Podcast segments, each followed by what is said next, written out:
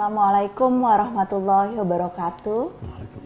Di hari keempat di bulan suci Ramadan dan saya masih bersama Abi di Hidup Bersama Al-Quran edisi spesial dari Tafsir Al-Misbah. Hari ini kita akan melanjutkan uh, Quran Surah At-Tur. Kita akan mulai dari ayat 29 Abi hari ini dan uh, banyak pengalaman pribadi soal tidak dipercaya, uh, mendapat berita buruk tentang diri yang ternyata di ayat-ayat ini digambarkan Nabi Muhammad Shallallahu Alaihi Wasallam pun menghadapinya ya. Abi. Ya betul betul betul. Baik mari kita mulai. A'udzubillahiminasyaitonirrajim. Bismillahirrahmanirrahim. Eh, ayat-ayat yang lalu itu eh, berbicara tentang eh, balasan yang menanti orang-orang yang tidak percaya, kemudian berbicara tentang orang-orang bertakwa dan ganjaran ilahi yang menanti mereka. Ya kan? Lebih ingat yang bagian itunya, Bi, insya Allah. Oke, bagus, insya Allah, insya Allah, insya Allah. Nah, kalau eh, kelompok ini gimana, Bi? Nah, maka ayat kita ini memerintahkan Nabi Muhammad, Fadakir fama anta bini'amati rabbika bikahinin wala majnun. Jika demikian itu halnya, sikap mereka semuanya, tugasmu berilah berilah ingat, berilah peringatan. Karena tugas Nabi Muhammad, tugas setiap dai itu sebenarnya hanya memberi peringatan, bukan dia ter, termasuk Nabi Muhammad yang menjadikan orang sukses dan beriman. Okay. Itu harus datang dari dalam diri, diri seseorang. Fadzakir Fama anta bi ni'mati rabbika bikahinin wala majnun.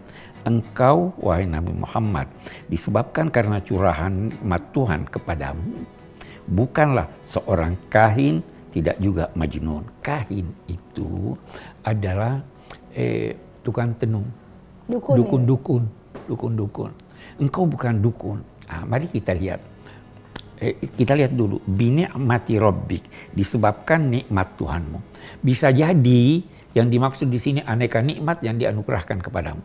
Bisa juga terbatas engkau tidak bukanlah seorang tukang tenung dan atau majnun dengan adanya nikmat Tuhan yakni Al-Qur'an yang diturunkan kepada okay. kamu. Karena mereka menuduh oh ini syair, ini tukang tenung. Nah, beliau bukan tukang tenung, bukan ini. Bukan Karena gila. Ah, eh kenapa dikatakan bukan?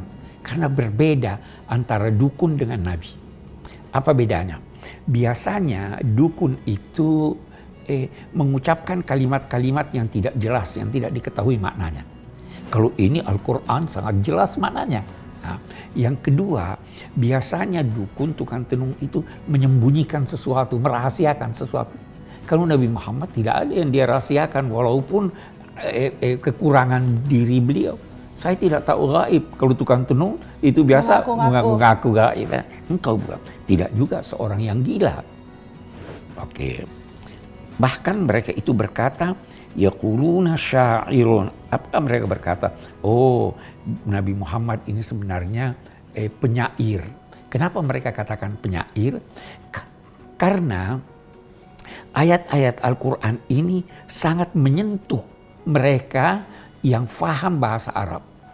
Sampai-sampai kaum musyrik itu eh, pernah bersepakat kita tidak boleh eh, mendengar ayat Quran. Tetapi secara sembunyi-sembunyi mereka pergi mendengarnya. Karena mereka menikmati. Karena mereka menikmati, menikmati dari segi bahasa, dari segi ini. Bahkan itu Sayyidina Abu Bakar per, pada masa-masa awal mereka katakan kami biarkan engkau tidak ganggu engkau dengan syarat jangan baca Al-Quran keras-keras. Jadi mereka anggap ini terlalu indah, maka dikatakan dia ini syair. Nah kemudian karena mereka tidak tahu lagi bagaimana menghadapi Nabi Muhammad, maka ada yang usul begini, udah deh tinggalkan aja, nanti eh, perjalanan masa akan menjadikan dia mati sehingga kita terbebas dari dia. Nah, maka di sini terus dilanjutkan am yakuna syairun natarabbasu bihi raibal manun. Raibal manun itu Eh, kalau dari segi bahasa berarti peristiwa-peristiwa alam yang eh, eh, peristiwa-peristiwa eh, kejadian-kejadian yang menjadikan orang meninggal. Oh, itu dia mati karena tabrakan, itu peristiwa ini. Nah, Nabi mau katakan suatu hal. Al-Qur'an mempunyai banyak eh, kosakata untuk menunjuk kematian, ajal, ya, Betul. maut, wafat, eh, apalagi eh, yakin. Yakin itu karena Pasti. pasti. ha? Nah, kemudian ada istilah ini raibal manun. Raibal manun ini hanya digunakan oleh orang yang tidak percaya. Oke. Jadi jadi eh, harapan mereka akan kematian Nabi Muhammad itu sebetulnya muncul karena mereka nggak percaya dan ini pun digambarkan eh, dengan pilihan kosakata di dalam Al-Qur'an. Betul, mereka tidak percaya tapi tidak bisa menghadapinya sehingga berkata, udah deh, biarin aja, kita tunggu aja sampai dia mati sehingga kita selesai ini. Ah, yang yang Abi ingin tekankan, jangan pernah berkata orang mati itu karena peristiwa. Oke. Atau banyak sebab kematian, tetapi kematian sama saja itu ditentukan oleh Tuhan ajalnya dan sebagainya. Jadi- Raibal manun, ya kan? Termasuk eh, kematian yang eh, sudah terjadi pada Nabi Muhammad. pada Muhammad. Nah, maka eh, eh, sampaikanlah kepada mereka wahai Nabi Muhammad, silahkan tunggu kematian saya. Saya pun akan menunggu. Saya pun akan termasuk orang-orang yang menunggu. Kita semua menanti datangnya kematian. Kita tidak tahu apa saya lebih dulu atau kamu lebih dulu. Kita tunggu aja, ya, Ya. kan? Oke. Jadi Nabi menjawabnya dengan tunggulah karena sesungguhnya aku pun bersama kamu, termasuk itu, orang yang menunggu. Ah, be- satu hal yang bagus ya tentang kematian. Kalau kita bicara kematian, ada orang yang tidak menunggunya sama sekali. Acuh. Nabi Muhammad tunggu. Dengan menunggu, kita mempersiapkan diri menghadapinya. Ella ingat kata-katanya Abi, maut itu harus dijemput. Harus dijemput. Maut itu harus dijemput. Jadi kematian itu bukan untuk dihindari, tapi untuk dipersiapkan dengan Ah, itu. Saya termasuk orang yang menanti. Oke. Baru dia katakan, am ta'muruhum ahlamuhum bihada am hum qaumun taghun. Apakah akal bicik mereka yang memerintahkan mereka menguraikan hal-hal di atas kamu ini ini ini. Bahkan sebenarnya mereka itu adalah kaum yang melampaui batas. Baru dia katakan, am yaquluna taqawwalahu. Bahkan lebih buruk lagi dari itu, mereka berkata bahwa Nabi Muhammad ini mengada-ngada. Mengada-ngada. Dia berkata bahwa ini dari Tuhan padahal dia yang karang. Atau, atau dia pelajari dari orang lain. Bal la yu'minun. Bahkan mereka itu tidak percaya. Kita mau berhenti lagi di sini. Sebenarnya mereka itu mengenal baik Nabi Muhammad. Pribadinya, Pribadinya, se- Semuanya. Keluarganya, keluarganya, eh, eh, terpercaya dan sebagainya.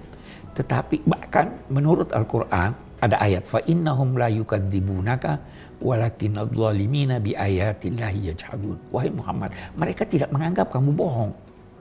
Tetapi mereka mengingkari ayat-ayat Tuhan. Dari sini ada bahasan para pakar. Apakah untuk percaya perlu pengetahuan atau tidak? Oke. Apakah untuk percaya perlu pengetahuan atau tidak? Jelas yang digambarkan uh, di ayat ini adalah kaum musyrikin yang uh, tidak percaya kepada Nabi Muhammad walaupun sudah tahu, Sudah tahu, tentang bagus. pribadinya, tentang latar belakang Ah, keluarganya. Oke, ah, kita kita lihat sekarang. Eh, ada ada pakar memberi contoh. Bisa jadi ada dua orang dalam satu sekolah, satu kelas melihat seorang gadis.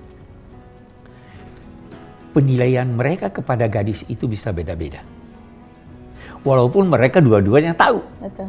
ya toh? Rasa kagum itu tidak lahir tidak mutlak lahir dari pengetahuan. Pengetahuan hanya mengukuhkan. Ya toh? Begitu juga iman. Katanya you have to believe not because you know but because you don't know. Oke.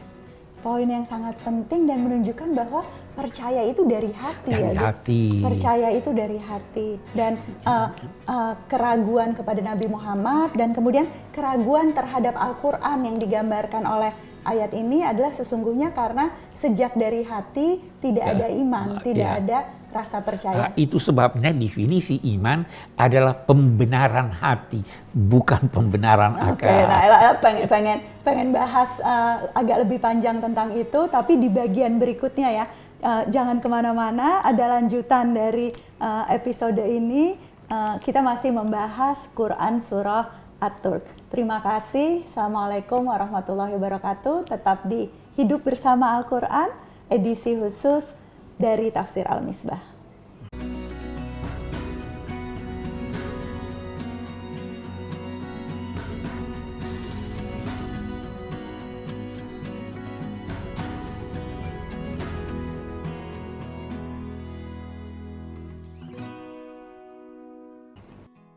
Bait Al-Quran adalah salah satu program pusat studi Al-Quran dalam bentuk pesantren pasca tahfiz khusus bagi santri berbagai daerah yang sudah hafal 30 juz. Sama seperti program PSK lain, pesertanya terpilih dan mendapat beasiswa, diberikan pendidikan dalam bidang tafsir, kajian keislaman lain, dan pembekalan kewirausahawan. Alumni Bait Al-Quran kembali ke pesantren dan kabupaten masing-masing untuk menjadi penggerak Islam moderat di kampung halamannya di penjuru Nusantara.